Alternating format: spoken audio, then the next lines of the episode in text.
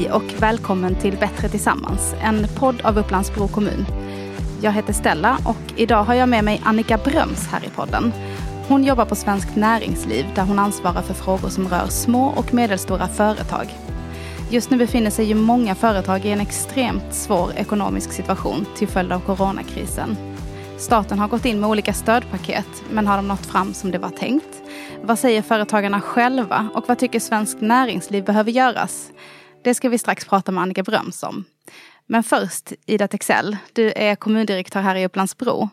Vad skulle du säga att kommunens roll är i det här läget? I Upplandsbro är det viktigt att vi stödjer och utvecklar vårt näringsliv tillsammans med företagarna. För ett livskraftigt näringsliv som erbjuder människor arbetstillfällen, det lägger grunden för skatteintäkter och det är helt avgörande för oss i Upplandsbro för att skapa en hållbar kommun. Under coronakrisen eller covid-19 så har det varit oerhört tufft för våra företagare och för vårt lokala näringsliv. Och vi har liksom på olika sätt i vår kommun försökt stödja och hjälpa vårt näringsliv. Tidigt kallade vi till samtalsträffar och dialog och har följt upp hur det går för dem och på så sätt kunnat anpassa och utveckla vår myndighetsutövning. Vi har till exempel justerat en del i taxor, vi har försökt förändra vårt sätt att arbeta genom att tidigare lägga uteserveringar. Vi har kört en kampanj som heter Smaka på Upplandsbro och så vidare. Så eh, sammanfattningsvis kan man väl säga att covid har verkligen utmanat våra relationer och vårt samarbete men vi hoppas att på sikt det gör oss starka och att vi kommer att lära oss mycket av hur vi kan utveckla framtidens service och framförallt göra näringslivet ännu bättre i Upplandsbro. Okej, tack. Då tar vi och hör vad Annika Bröms har att säga.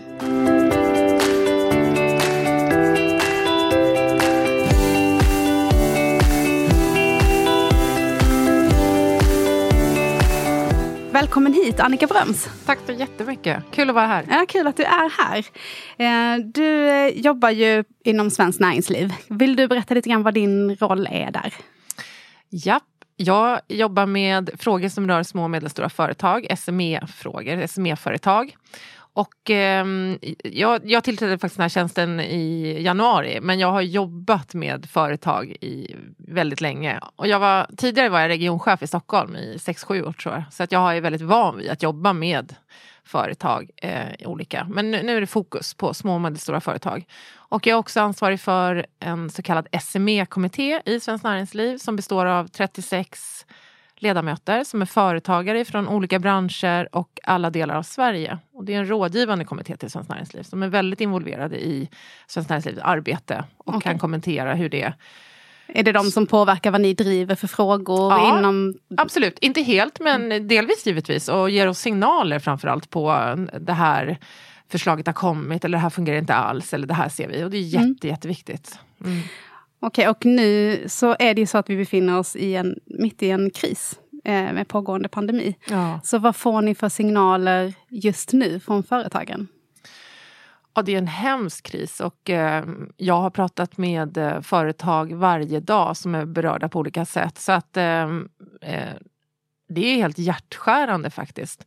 Eh, I vissa branscher så är man ju otroligt påverkade och vi fick signaler väldigt tidigt om det här eftersom det märktes så snabbt när hotell, eh, konferenser, möten började ställas in eh, kring osäkerheten. Och sen i och med att riktlinjer har kommit och rekommendationer som hur många man får vara, hur man ska bete sig och så här, så har ju företagen fått anpassa sig efter det. Men, men det märktes redan innan. En oro och eh, undran om vad som höll på att ske. De, om de branscher som blev snabbast påverkade var ju besöksnäringen, hotell och restaurang och butiker framför allt. Mm. Mm. Nu och du... transportsektorn ska jag säga. Eh, bussar och resebolag och sånt. Ja. Mm. Eh, det här som du säger nu att eh, nu har det kommit riktlinjer och man har kunnat anpassa verksamheten. Har det betytt ett, en liten förbättrad situation eller är det ingen förändring när det gäller den saken? Eh, Alltså jag tror ändå att det är ganska strikt liksom, om du tar det här med 50. Så att jag kan inte säga, alltså, jag vet inte om man kan säga att det är förbättrat. Det är ju som det är. Liksom. Man mm. får ju inte vara fler än 50 för det liksom, är inte bra. Men eh, eh, det har ju klart påverkat eh, Ja, jag förstår vad du menar. Man vet vad som gäller och då kan man anpassa sig efter det. Så man kan ändå ha sin restaurang öppen och säga jag gör det här på, under rätt förutsättningar. På så sätt är det ju bra. Eh, samtidigt så jag tänker på alla, det påverkar ju också typ om idrottslag och kupp kupper och matcher och sådana saker. Och det är ju inte så bra för företagen. Men å andra sidan, om, det är en hälsobedömning i den här och den har inte vi några synpunkter på. Liksom. Det får man ju lita på att den är rätt helt enkelt. Mm, mm. Mm. Men, men du är inne på någonting som är jätteviktigt och det är att, man, att myndigheterna tar beslut om någonting och säger nu gäller det här. Och kan man säga på vilken tid det gäller så är det ännu bättre för då har man ju som företagare någonting att förhålla sig till. Och det, det har du helt rätt i att det är jätteviktigt. Mm. Mm. Um, men det har ju också kommit en hel del statliga stöd och så uh, för att hjälpa just små, eller företag generellt. Mm. Hur ser ni på, på det? Hur har det liksom kommit, tricklat ner i verksamheter? Ja, men, um, för det första är det ju jätte, jätteviktigt att de här stöden finns och att vi står enade som ett samhälle. För att de här stöden är ju på något sätt hjälp till självhjälp för att vi ska kunna ha det samhälle som vi vill ha. Om vi låter, lämnar företagen i sticket i den här krisen som hela samhället är i nu då kommer det påverka oss och det sättet vi vill leva på. Vilken välfärd vi vill ha, vilken skattebas vi vill ha om folk har arbeten och skatteintäkter och sånt. Och det, det gör att vi måste faktiskt rädda företagen nu. Så att, eh, det är hur viktigt. tycker du att det, liksom, hur, hur, går det och vad får ni för, eh, för input från företagarna själva? Ja, det är väl, eh, finns väl lite eh, olika sätt att se på det. Eh, först kan man säga att det är bra att stöden har kommit och att det finns en krisinsikt och att man har eh, lagt stora Eh, pengar på liksom, att rädda företagen. Sen så ser ju vi dessvärre att många av förslagen inte når företagen. När du säger kan... företagen då, är det just små och medelstora du menar eller är det generellt? Jag skulle säga att det är generellt. Vi kan mm. gå igenom några av förslagen. Så kan vi, mm. ja, eh, för det första så handlade det om liksom, i krisens... Det som, om man liksom ska förstå krisen så är det ju att när en, en besöksnäring eller ett transportföretag som har busstjänster eller någonting. Om man liksom, säg att du har ett bussföretag som åkte ifrån Öland upp till Stockholm och hade så att man gick på teater eller musikal och sånt där. Och så bodde man över på en natt och så åkte man därifrån. Eh, och så kom den här instruktionen, liksom, känslan av att man inte fick göra det. Då avbokades ju alla de väldigt snabbt. Eh, och då satt du dels att du skulle betala av kanske till eh, de som hade bokat och sen så hade du ju avbeställningsskydd själv till de här hotellen och musikalerna och sådana saker. Så mycket avgifter och sen inga nya intäkter. Alla resor som du hade planerat framöver som företagare bokades av eller ställdes in. Så det som hände för väldigt många, det var ett bussföretag. Men det, men det, går, att, det går att tänka liksom på hotell, besöksnäring, restauranger, mm. bröllop, alla sådana saker. Det här så, som just har varit i fokus. Ja, exakt. Mm. Så att mm. alla intäkter försvann. Det är ju det mm. som var problemet för företagen. Som stod fortfarande ganska oförberedda med höga lönekostnader, mycket fasta kostnader för hotell, eller för, förlåt, för hotell, för, för hyror, fastigheter, lokaler. Eh, och man kanske har leasingavgifter på maskiner eller olika tjänster som man har och så vidare. Och så sina medarbetare och personal som är nyckelpersoner såklart. Um, och sen har man inga intäkter och då, då går det ganska snabbt um, neråt och dåligt. Så det är likviditeten som var problemet i företagen. Mm. Så de förslagen som har kommit um, finns ju flera stycken uh, olika och om man tittar på korttidspermittering var ett stöd som kom väldigt tidigt eh, och som var väldigt bra. Man kände som hopp när det introducerades. Eh, Vill du bara säga väldigt kort vad det är för någonting så att alla är med? Ja. Mm. Eh, korttidsarbete, det innebar att eh, en, en, företagare kan eh, permittera sin personal så att man går ner i ar så arbets medarbetarna går ner i arbetstid och staten går in och garanterar 90 procent av av lönen, lönen. Ja, mm. precis. Mm. Eh, och den, eh, det är Tillväxtverket som har hanterat det och eh, där måste man ändå säga att det gick väldigt snabbt. Det fanns en farhåga att det skulle ta lång tid men där eh, fungerade systemet väldigt bra så det gick snabbt. Men eh, dessvärre så har Tillväxtverket precis i dagarna ändrat den tolkningen som de gick ut med från början. Och det gör att nu så handlar om semester skulle täckas av det här eller inte. Och det är, om vi pratar om det här som vi gjorde inledningsvis, att ändrade regelverk eh, är jätteproblematiskt. Så det här, nu, från att ha varit en ganska bra åtgärd så börjar vi tycka att den är inte är så jättebra. För vad är det då, då förslaget är nu? Det ska inte täcka in semestrar? Nej, är det det som är grejen? Och då har man kanske under den här våren, under den här krisen, så har man planerat för det. Och man har personal också som eh, ja, de som har jobbat och så. Det gäller förutsättningarna för det här regelverket. Till exempel så har vi ett företag som, eller flera nu, som kontaktade oss och sa att men om, om jag står med fullt eh, semesteransvar, det är ju liksom he, egentligen lö, hela löneansvaret då egentligen, då får jag istället säga upp folk. Mm. Mm. Och då, då har vi inte uppnått det som vi ville, att människor ska ha kvar sina jobb och att företagen ska klara sig genom krisen. Utan då, då blir det ju fel. Liksom. Så ni hoppas nu på en förändring eh, när det gäller detta? Eller ja, är det som ja, det är? verkligen. Mm. Nej, men det här är olyckligt. Um, då, och jag pratat med företag precis innan nu också och de säger att hellre liksom att det är ganska strikta och dåliga regler från början men man vet vad som gäller. Så ändrade regler är verkligen, verkligen problematiskt. Ja, ja, nej, men jag hoppas att det här hinner ändra sig innan sommaren. faktiskt. Mm. Mm. Mm. För alla skull också, för att man ska få sina jobb kvar. Mm. När det gäller eh, andra statliga stöd så kan, ser ni att det är liksom vissa typer av företag som har kunnat ta större nytta av det jämfört med andra eller har det varit hur, hur har det Nej, det har liksom- sänkta eh, nedsättningen av arbetsgivaravgiften till exempel. Eh, den har ju varit eh, väldigt bra och hjälpt många företag. För att även de som inte är i direkt kris så är det ju mycket osäkerhet just nu i många branscher. Eh, ta till exempel byggbranschen eller eh, målare, elektriker och alla sådana. De har ju fått, haft mycket svårigheter med att, liksom, att komma in hos kunder till exempel på grund av corona och kanske olika mm, eh, kontrakt som de har haft har de inte kunnat liksom fullfölja. Sen kanske man har märkt en liten uppgång på att folk är hemma så det målas lite, lite mer privata tjänster snarare än företag. Men i förlängningen vet ju ingen hur det här kommer påverka för att företag handlar ju tjänster av varandra också. Så om, om företag inte har råd att eh, bygga ut eller investera i nya fastigheter eller renovera då, då kommer ju det påverka byggbranschen också. Ja, det får följdeffekter ja. helt enkelt. Så att, eh, därför har sänkt arbetsgivaravgift hjälpt många företag. Men vi, jag tror att det är bra för att det är många som, som är drabbade på olika sätt. Mm. Inte helt akut men med stor osäkerhet och oro ändå. Sen har vi ju frågan om eh, eh, att få hjälp med fasta kostnader som eh, hyror till exempel. Ja. Det är ett förslag som eh, som vi gärna hade sett utformades på ett annat sätt. Eh, lite enklare och eh, att man hade kunnat fått hjälp direkt. Nu valde man en annan väg och det har gjort att... Eh...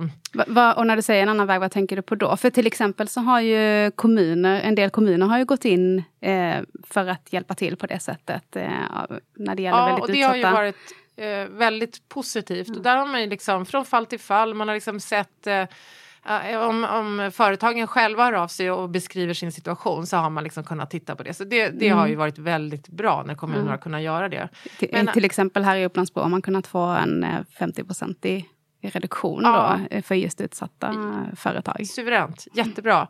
Men i många andra branscher, fastighetsägarna själva säger att i början av maj så hade det slutits 5000 sådana här avtal. Och då får man ju tänka hur många företag det finns i Sverige och så här. Så det är inte så här jättemånga. Det, mm. det är faktiskt en ganska misslyckad åtgärd måste jag säga. Okay. Mm. Mm. Nu har man också sagt att den ska komma i det här omställningsstödet som eh, regeringen la fram här, det senaste förslaget. Där säger man att hyror också ska kunna ingå. Men det har också skapat en del osäkerhet nu så om vilket stöd man ska liksom tro att man kan söka och få hjälp av och sånt där. Så är det som ett statligt stöd då alltså när ja. det gäller hyror också? Ja, mm. precis. Mm. Och det är ju precis det här första fallet som jag beskrev. Liksom om, man, om man sitter med mycket fasta kostnader så är ju hyresstödet en stor lättnad faktiskt som man skulle kunna mm. få hjälp där. Du har ju varit inne en del på eh, de branscher som har drabbats hårt och som drabbades ganska omgående när det här hände mm. eh, och corona slog till. Ser ni, liksom, hur ser er analys ut på lite längre sikt? Är det några branscher som särskilt ligger i riskzonen nu? Det är de branscherna, alltså besöks, transport, transport vissa liksom buss, vissa som är riktade mot vissa segment. Eh, eh, besöksnäringen och eh, detaljhandeln och butiker eh, har ju det jätte, jättetufft. Och eh, de har ju det svåraste framför sig. För att även om de här stöden vi pratar om, de är utformade nu för mars och april, så hade man fortfarande vissa intäkter och kanske Tänker du på just på kläder och sån typ av handel nu? Eh, ja, eller eh, man pratar mycket om att det är, vad säger man? E-handel istället? Ja, det, det har ju, herregud vad den eh, omvandlingen har gått snabbt nu.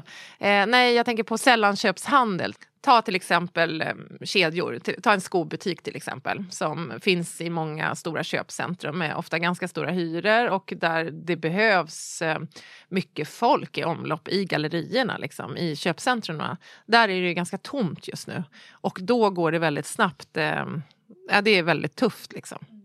Eh, så jag skulle säga mm, de som har många, många butiker på många ställen och där, man, där det behövs mycket folk i omsättning. Där, där, där är det tufft. Där, är det har vi redan sett en del varsel och konkurser. Mm. Mm. Ja, jag var faktiskt själv vid något tillfälle på of Scandinavia och oh. trodde jag gick runt i en skräckfilm ja. faktiskt. För det var ekande tomt, vilket i och för sig då var helt enligt riktlinjer och eh, bra på ett sätt. Men ja. då extremt eh, drabbande på ett annat sätt. Ja, nej det är hemskt faktiskt. Um, mm. Men eh, vi nämnde här lite snabbt ehm, e-handel. Mm. Det har alltså inte kompenserat. Folk köper liksom inte lika mycket skor som man gjorde när man gick runt i en galleria på nätet istället. Jag vet faktiskt inte. Nej. Eh... Det kanske inte hänger ihop för personal. Alltså, det kanske inte hänger ihop. Alltså, du tänker att det kompenserar? Ja. Eh, nej, det gör det inte. Vi har faktiskt flera företag som beskriver det, att e-handeln går bra. Men du sitter ändå med hyresavtal och eh, personal. Så att eh, du har, och det här är krångligt alltså, så har du liksom korttidspermitterat viss del av personalen så är det svårt att ha kvar annan och så vidare. Och det är stora osäkerhet fortfarande och det är liksom vad säger man, fluktuerar ganska mycket och sånt där. Så det, är, eh, det har inte kompenserat 100% Man kan inte säga att istället för det här så blev det det här. Utan det är i och för sig roligt då att någonting går bra men det är eh, någonting som i vanliga fall kanske har krävt liksom, att du har en strategi och att du liksom bemannar på ett visst sätt och sätter upp dina system sker nu liksom medan du samtidigt blöder i andra delar av företaget. Det är, det är brutala processer liksom. Men mm. eh, men eh, ja, det är spännande att se vad, vad som, hur, hur samhället kommer förändras liksom, med det här. Ja, för det lär ju bli um, någon slags förändring. Ja, det tror jag. Mm. Absolut. Har du själv några tankar på hur det kan tänkas bli? Mm, om, man, om man ska säga post corona, eller det kanske man inte ska för vi kanske får leva med det här nu då. Men, eh, men det kommer ju bli någon slags ny vardag i alla fall, så mycket kan man väl säga. Ja men det tror jag. Alltså, rent, eh, alltså på Svenskt Näringsliv så funderar vi ganska mycket på hur samhället ska bli efteråt. Och där tänker vi ju att det måste, vi måste komma tillbaka till en positiv framtidstro där vi liksom eh, där både alla människor känner liksom att man litar på samhället och att det finns liksom positiv syn på att vi ska klara utbildning och vård och att det finns pengar till det och så vidare. Också hos företagen att det finns en positiv tro att vi ska kunna komma tillbaks och att det ska gå bra igen och, och så. För just nu känns den lite bortspolad ju. Mm. Eh, och jag tänker ganska mycket på, jag är väldigt berörd av att jag har jobbat, så, suttit i en, en företagarjour som vi har haft nu på Svenskt Näringsliv. Så jag har pratat med väldigt mycket företag varje dag, folk som ringer och eh, gråter nästan i deras liksom livsverk och det som de har jobbat med hela livet och deras anställda som de måste säga upp eller permittera och så här. Det här är så smärtsamt och sorgligt att se. Och de kan inte göra någonting över det själva egentligen. De kanske har varit skuldfria, välskötta bolag och sen så kommer en pandemi och ställer till och de, ja, de kan liksom inte göra någonting. Nej. Nej. Och då tänker man lite grann hur hur ska vi få tillbaka framtidstron hos dem liksom, och känna att jag vågar satsa igen och eh, jag är, står inte ensam om, om, om det händer liksom, en riktig sån här uh, smäll. Liksom. Har ni några tankar kring det? Hur, vad man faktiskt borde göra nu på det planet? Ja, men vi funderar mycket på det samtidigt som vi eh, tänker på de företagen som fortfarande kämpar för sin överlevnad så funder, börjar vi fundera på vad som krävs och behövs för att vi ska kunna starta upp och just komma tillbaks till den här positiva framtidssynen. Och det är lite för tidigt att eh, vi kommer vi kommer prata om det väldigt mycket internt, titta på liksom vilka regler som har fungerat väldigt bra nu. Eh, den här, jag pratade om arbetsgivaravgiften till exempel. Den har ju ah, slagit, ska säga. den har ju fungerat väldigt bra för de företagen som har fått sänkt eller alla har ju fått det, att det har liksom varit en bra åtgärd. Det kanske man ska titta vidare på. Men jag tror att det handlar om, ja, det kanske är en personlig tanke, men jag tänker att det handlar mycket om nu nästan som ett paradigmskifte. Liksom. Hur ska vi saker som har tagit för givet förut tror jag att vi måste ändra på. Liksom. Hur, Vad då till exempel?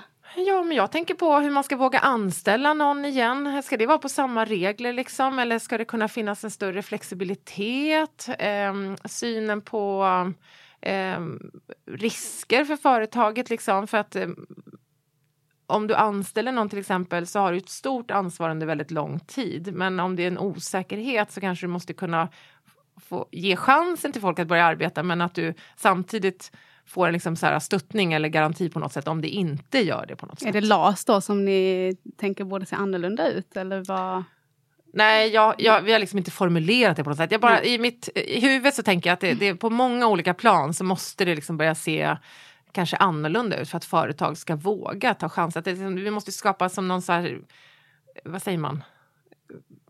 Grodd, alltså så här, som en, uh, bädda på en något bädda sätt, på något sätt för att liksom, här ska det kunna växa saker. Liksom. Och då mm. måste det vara helt andra förutsättningar tror jag, än vad, vi är vana vid på något sätt. Nu pratar vi ju liksom om hur samhället kan stötta företag och vad man bör göra för mm. att eh, förbättra situationen. Eh, men, eh, och det handlar ju om skattepengar. Ja. Eh, och liksom, hur ser du på den balansen med vad som är rimligt att eh, att det offentliga går in och stöttar den privata sektorn. Ehm, det är ju, det är ju en allvarlig kris, men ändå. Ja, men det här är något helt unikt som vi är med om. Så att det är ju företagen med alla sina anställda är ju motorn i svensk näringsliv, alltså i Sveriges välfärd. Och i liksom, anledningen till att vi har varit så framgångsrikt och starkt land är ju att vi har haft många starka företag som har exporterat varor och tjänster till andra länder. Det är så vi har byggt vårt välstånd. Och eh, att de nu får hjälp i en kris som de inte kan rå för. Det har ingenting med hur mycket du, stora risker ditt företag har tagit utan det här är liksom Ja, folk får inte resa eller får inte ses mer än 50 personer. Då kan du inte ha en konferens. Och du kan inte heller du kan ju inte sälja en konferens imorgon utan en förlorad lunch eller servering eller hotellnatt nu i maj kan man ju inte sälja igen i november. Liksom. Just det, det går inte att spara på lager. Det går inte att spara på lager mm. som det gör med vissa. Så de behöver hjälp nu. Sen är det ju så här också att de här företagen som vi försöker rädda, de har ju anställda som jobbar på de här företagen. Och tänk på alla i Sverige som är anställda i privata företag. Eh, jätteviktigt att de får ha kvar sina arbeten, att vi räddar så många arbeten som möjligt. Så att jag tycker att hela den här frågan ska ju handla om hur vi räddar företag och hur vi räddar så många arbets... Och hur, hur vi räddar så många företag som möjligt och hur vi räddar så många jobb som möjligt. Mm. Och jag tror att det är jätteviktigt. Jag känner i den här krisen så har man verkligen märkt hur många eh, hur relationen är. Det är många arbetstagare som har haft, eh, startat sitt företag som varit helt beroende av så här, nyckelpersoner och som är med i hela deras resa med företaget. Och det är eh, jättejobbigt för dem nu att behöva säga upp eller varsla eller korttidspermittera folk som, som de absolut vill erbjuda heltidsarbete som vanligt och, och komma tillbaka till vardagen så fort som möjligt. Jag tror att det är viktigt för, för oss alla liksom, att, eh, att så många som möjligt har sina arbeten kvar. Mm. Skatt, ja, men hela den där diskussionen har varit ganska intressant med att man ska vara rädd om skattebetalarnas pengar. Eh, jag är ju skatt, vi är skattebetalare. Det är självklart att man ska vara rädd om skattebetalarnas pengar. Men vi måste också se till att det finns jobb kvar. Så att de betalar skatt? Så att de betalar skatt. Ja, mm. men jag tror också att det finns andra aspekter av det. Bara känslan av att gå till ett jobb och ha, vara i ett sammanhang och eh, vad det innebär tror jag är jätteviktigt. Um, det är kanske inget som vi brukar prata om men, men det tror jag är också Det får effekter för individen också ja, såklart. Absolut, mm. absolut. Mm. Jag tänkte på en sak som jag eh, bestämt tror att jag såg i ditt eh, sociala medieflöde mm -hmm. som eh, handlar om det här att ehm, eh, att, man in, att stora företag, eller att företag inte ska kunna eh, ta emot statliga stöd och samtidigt ha en aktieutdelning. Eh, vilket då många tycker låter väldigt rimligt. Eh, men du var lite kritisk mot den åtgärden. Eh, ja, men det är ju så här att det måste företagen själva bestämma. Och det handlar också om regelverk, vilka som gäller. Det är ju de regelverken vi har och på det sättet som vi gör att det frigörs peng... Alltså det här är ganska svåra frågor så att eh, det är komplicerat. Men, Jag tänkte på det, eller det som jag blev lite nyfiken på, Mm. som jag inte själv hade tänkt på innan. Eh, var att just när det gäller små företagare, eller företag Mm. eh, och företagare då. Så, eh, för när man pratar om aktieutdelningar, då tänker jag på storföretag, Mm. Ja, banker, stora liksom, eh, finanser som delar, delar ut då till sina ägare. Men att i det lilla perspektivet så får det helt andra effekter. Mm. Eh, kan du säga någonting om det? Som, vad det var du tänkte då? Hur man liksom lägger upp sin... Eh, alltså vad en aktieutdelning betyder för ett enmansföretag. Ja. Vad är det? Ehm, eh, att göra en utdelning i ett mindre företag, det kan du bara göra om du har gått med vinst. Så alltså, du har betalat alla dina andra avgifter, löner och kostnader och det finns en vinst kvar i bolaget så kan du ta ut den. Och det är egentligen det gynnsammaste att göra för ett företag. Alltså det minst, minst kostsamma sättet om du vill ta ut pengar ur bolaget är utdelning. Så att det är ju väldigt eh, Eh, försiktiga och skötsamma ägare som håller en låg lön ehm, och sen tar ut en utdelning. Och man gör det i efterhand när företaget har gått bra. Och man väljer att inte göra det år där det inte har gått bra. Och man väljer kanske inte att ta ut det de åren när man vill investera eller ha mycket pengar kvar i kassan. Och det här måste ju varje företag få bestämma själv hur det ska göra. Och den här diskussionen som kom nu, det handlar ju om att företag som eh, hade räknat med att kunna ta ut utdelning för 2019 nu plötsligt inte ska få göra det. Um, det är fel. Dels så är det ett regelverk som vi har, som regler som finns. Då kan man inte hålla på och ändra dem. Sen måste det faktiskt vara upp till varje företag själv hur man avgör att man vill göra det. Men kan du förstå kritiken att det, att det kan låta konstigt att man får ta emot skattepengar och samtidigt då göra en utdelning till sig själv? Ja, men jag tror att man eh, glömmer bort då att det handlar ju om, vi, var, anledningen till det är ju företagen som söker korttidsarbete. Alltså att man, som jag beskrev innan, att man låter medarbetarna ha kvar jobbet, gå ner i lön och sen så går staten in och kompenserar en del av lönekostnaden. Det är ju en arbetsmarknadsåtgärd. Det är ju ett sätt som vi var inne på att låta människor ha kvar sitt arbete och företagen att kunna liksom inte blöda sönder totalt utan liksom kunna ha kvar sin, put- alltså bara puttra sig fram i en kris. Liksom. Om ett företag skulle tänka helt krasst vad som vore bäst i en kris när in, intäkterna är noll, då är det ju att säga upp sin personal för du har inte råd egentligen att ha dem kvar. Um, så att det är en arbetsmarknadsåtgärd, det är någonting som liksom lägger ett plåster på ett blödande företag medan utdelningar är ju en annan en annan fråga egentligen. Så att Okej. det är lite olyckligt att de har eh, blandats ihop. Men, men, och många företag väljer ju att inte göra utdelningar heller. De har ju den bedömningen att nu behöver vi liksom hålla på dem. Så, här. så att jag, Mm. jag tycker att det måste vara upp till varje företag. Och Ja, jag tycker så. att den har blivit förenklad och lite populistisk. Den Plötsligt blev alla liksom experter på utdelningar. Mm. Ja. När jag har suttit i den här företagarjouren så är det faktiskt ganska många företag som hör av sig också och säger att de är jätteledsna och bekymrade för den här diskussionen och att det saknas en förståelse för vad utdelningar betyder för dem. För att eh, de har ju räknat med den här eh, utdelningen. Eh, de kanske bygger hela sitt sin privatekonomi på det. Att de ska kunna göra avbetalningar på sitt hus eller en invest- alltså kunna köpa en ny bil eller ja, inte ens så stora belopp pratar vi om. Liksom. Så att det är, ehm, det är ju ett sätt för dem att klara sig helt enkelt. De kanske håller ett jättelåg lön under hela året och sen så har de lyckats och så ska de få ta ut en utdelning. Så att om man skulle ställa in den så skulle det innebära katastrof för många företag. Så att man kanske på individnivå då liksom måste sälja sitt hus? Ja, men det skulle ju kunna bli så, alltså, för att det är ju det är skört. Liksom, och de, de har räknat med att de ska kunna göra den här utdelningen i små företag. Ehm, och egentligen går ju det att skala upp till de stora också, att det här är pengar som man har lånat ut och investerat och de har jobbat och de har gjort rätt för sig och då ska de pengarna tillbaks och så investeras i andra branscher som kanske behöver pengarna ännu bättre just nu och så vidare. Mm. Men det lilla företagets perspektiv här är ju jätteintressant och det glöms helt bort i diskussionen om utdelningar.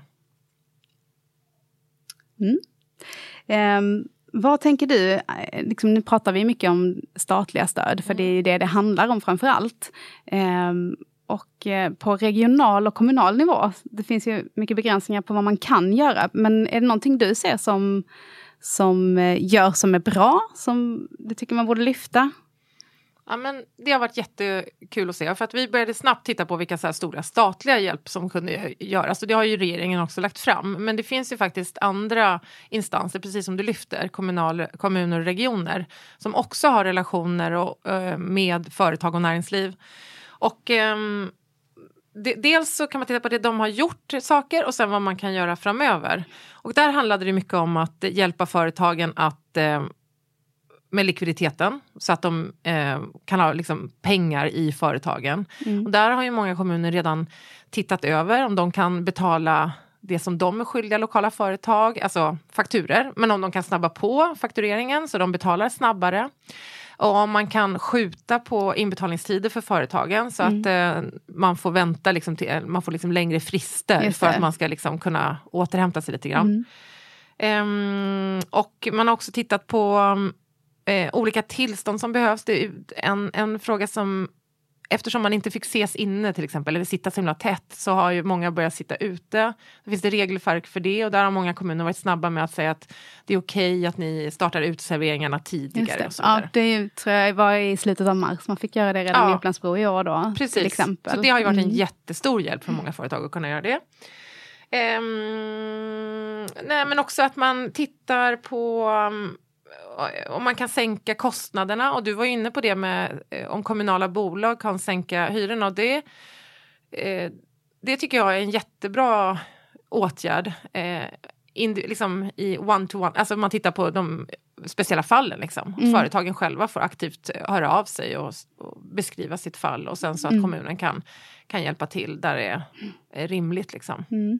Ja, exempel eh, om man tittar på hur, hur, man har jobbat här lokalt i Upplandsbro så mm. har eh, just med restaurangerna då som har drabbats hårt eh, kommunen bland annat dragit igång en kampanj som handlar om så här Smaka på ja, precis, bro va? Smaka på Upplandsbro.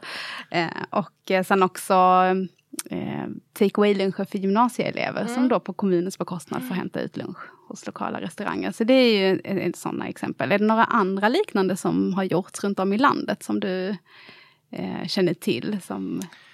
Nej, men det är väl hur långt man har gått i de här frågorna eh, som gör hur stor... Sen så är det ju en annan aspekt, det är ju också organisatoriskt, liksom, att hela kommunen förstår det här så att det inte bara är näringslivsenheten eller att man har liksom pratat om det på något sätt kring ett tillstånd utan det är viktigt att alla som jobbar i, kommun, i kommunens olika enheter har en förståelse för att just nu genomgår företagen i den här kommunen en av sin största kris någonsin. Och eh, hela sättet man då kommunicerar och tänker på, måste jag göra den här tillsynen nu eller kan det vänta? Kan jag bara ringa och fråga, hur går det? Har du några frågor? Kan de göra egen kontroll av en fråga? Alltså jag tror att det... Sånt som annars då eh, företagen, det är, en, det är en kostnad för dem helt enkelt ja. när det görs. Mm. Ja, precis. Så att jag tror att mycket också handlar om eh, inställningen och synen på företagen och förståelsen för att de har det jättetufft nu. De ligger sömnlösa om nätterna. De vet inte hur de ska få det här att gå ihop. Deras livsverk faller. Inte alla såklart, det finns vissa branscher och företag som, som är relativt opåverkade. Men, men de vi har pratat om nu och kanske andra också som inte vet eh, vad som händer och det finns en oro. Där tror jag att det är jätteviktigt att, att kommunen tänker på att fortfarande självklart vara korrekta och att man har en myndighetsroll eh, men att man kan ha ganska mycket empati och förståelse. Det, Nyckelord. Ja, mm. verkligen. Mm. Och ett serviceinriktat myndighetsutövande kommer vara viktigare än någonsin. Och jag tror också att det är viktigt att titta på de här äh, åtgärderna som redan har genomförts. Är det någonting som man kanske ska fortsätta med? Det kanske gick bra att sänka avgifterna, betala sina fakturor väldigt snabbt och sånt där. Det kanske är väldigt positivt för den här kommunen liksom. och ah. blir attraktivt om kanske fler företag väljer att komma Ja, det blir nya saker som... Ja, jag tror att det skulle kunna, mm. kunna bli så. Mm. Men och ni, det, precis, ni var ju kreativa där. Jag tycker det var jätte roligt när ni pratade om det här Smaka på Upplandsbro som jag har eh, läst om eh, och hört talas om. Att, eh, att ni har haft en dialog med företag. Då har man ju visat på en förståelse och så har man i dialog tagit fram ett förslag. Ehm, ja, det är positivt. Mm. Ehm, jag måste också fråga dig faktiskt, hur, eh, vi pratar liksom lite om tiden efter den här krisen, men hur, om man tittar på tiden innan, mm. hur ser du på företagarklimatet i landet? Men vi ser att företagsklimatet eh, har blivit bättre och att det finns en ökad förståelse för företagens roll i samhället. För det är det som är väldigt viktigt. Om vi ser företagen som någonting jättebra, att företag väljer att komma till Sverige, väljer att växa här, hur kan vi hjälpa dem att göra det? Det, den förståelsen har blivit bättre, men den måste vi hela tiden jobba med och påminna oss själva och påminna beslutsfattare och nya generationer om hur viktigt det är med företag och att fler väljer att starta och driva företag. Det gick ganska bra för företagen innan krisen. I vissa branscher så hade man framtidstro, framtiden och många lyfte att den största utmaningen de hade var att hitta rätt kompetens. Den frågan är ju helt eh, sopad ifrån bordet nu. Nu handlar det om att överleva det. Mm. Mm. Vad tänker du om man själv är småföretagare och lyssnar på det här eh, och eh, liksom sitter med en del frågor nu som du... Är det till er jour man ska vända sig då? Eller vad, hur tycker du? Vilka vägar ska man ta? Mm, man ska Ja, precis. Man ska kolla vilka man har i sitt nätverk. Har man kollektivavtal, då kan man höra av sig till sin arbetsgivarorganisation och fråga frågor kring det. Eh, vad som gäller kring din personal och hur du ska göra. Och har man frågor, man får dela upp det lite grann och titta på vad, mm. vilka frågor man har. Mm. Eh, man kan höra av sig till sitt näringslivskontor i kommunen eller näringslivschefen och, och eh, få lite vägledning och guidning kanske om man har frågor och mm. tips som finns. Och sen är det ju de här bidragen och eh, hjälpen som staten har presenterat. Där är Tillväxtverket ansvarig för väldigt många av dem. Så mm. man kan gå in på deras hemsida är faktiskt väldigt bra och man blir guidad lätt och så. Mm. Eh, men sen, jag upplever också att många företag, det finns en väldig Eh, alltså alla hjälper varandra ganska mycket nu och delar med sig av tips och sånt där. Så jag tror att eh, finns det ett företagarnätverk eller en grupp så får man väldigt prata med dem där. Och du, man är ju inte ensam i den här krisen. Eh, utan det här, det är många som har det likadant. Och i andra kriser tror jag man kan kanske känna att man eh, har gjort något fel eller man har missat någonting och nu går mitt företag dåligt och så här. Men alltså nu är ju företagen de kan ju inte rå för det som händer. Det är en pandemi som drabbar hela världen och eh, regelverk som inte de kan rå på. Liksom. Så jag tror man, man ska försöka prata med andra. Mm. Mm. Har det skapat någon slags eh, liksom, ny och större solidaritet mellan företagen? Det lät lite så för dig här. Ja, men jag upplever att det är så. Att det är mm. liksom den här krisinsikten är... Jag tycker alltid det har funnits det egentligen. Företagare vet ju precis liksom hur de kämpar och sliter. Eh, och Men jag, jag, upplever, jag upplever liksom stor förståelse för företagandet i allmänhet också. Det är väldigt många som säger att de förstår sina företag och vill stötta lokalt och sånt där. Det är ju, mm. det Vad är, är dina ganska... bästa go-to-tips eh, när det gäller det? Vi har varit inne på luncher. Finns det någonting annat man kan tänka på som privatperson? Ja, men jag tycker att det är jätteviktigt. För att om vi, eh, många nu jobbar hemifrån, då hade man kanske gått och ätit lunch inne, ja, nära sin arbetsplats eller så. Det kan man faktiskt tänka på att man kan göra även fast man jobbar hemifrån. Så man kan gå och ta en takeaway eller beställa någonstans. Och samma sak med en kaffe eller bulle. Någonting. För vill vi ha ett levande samhälle och att folk ska kunna arbeta och att det ska finnas liksom den här servicen och bagerier och hotell och restauranger och sånt där. Då, då, får, då vore det bra om alla kunde handla lite grann nu för att hjälpa dem liksom hålla sig flytande. Jag försöker själv så mycket jag kan faktiskt. Mm. Det är inte jättebesvärande att köpa mat. Nej. Eh, om man har råd liksom. Men, men, man kan ju välja lite grann när man gör det och vilka erbjudanden man tar och så. Um, och uh, ja. Nu kommer det antagligen bli lättare nu på våren. Va? Man får vara ute och mer och så. Kanske man kan sitta någonstans också. Så. Mm. mm. Mm. Nej men uh, det är verkligen aldrig har det varit så positivt att, uh, att unna sig saker som nu faktiskt. Vi tar med det in i hemmasemestern helt ja, enkelt. Exakt. okay. Ja. Stort eh, tack för att du kom hit Annika Bröms. Tack för att jag fick vara här.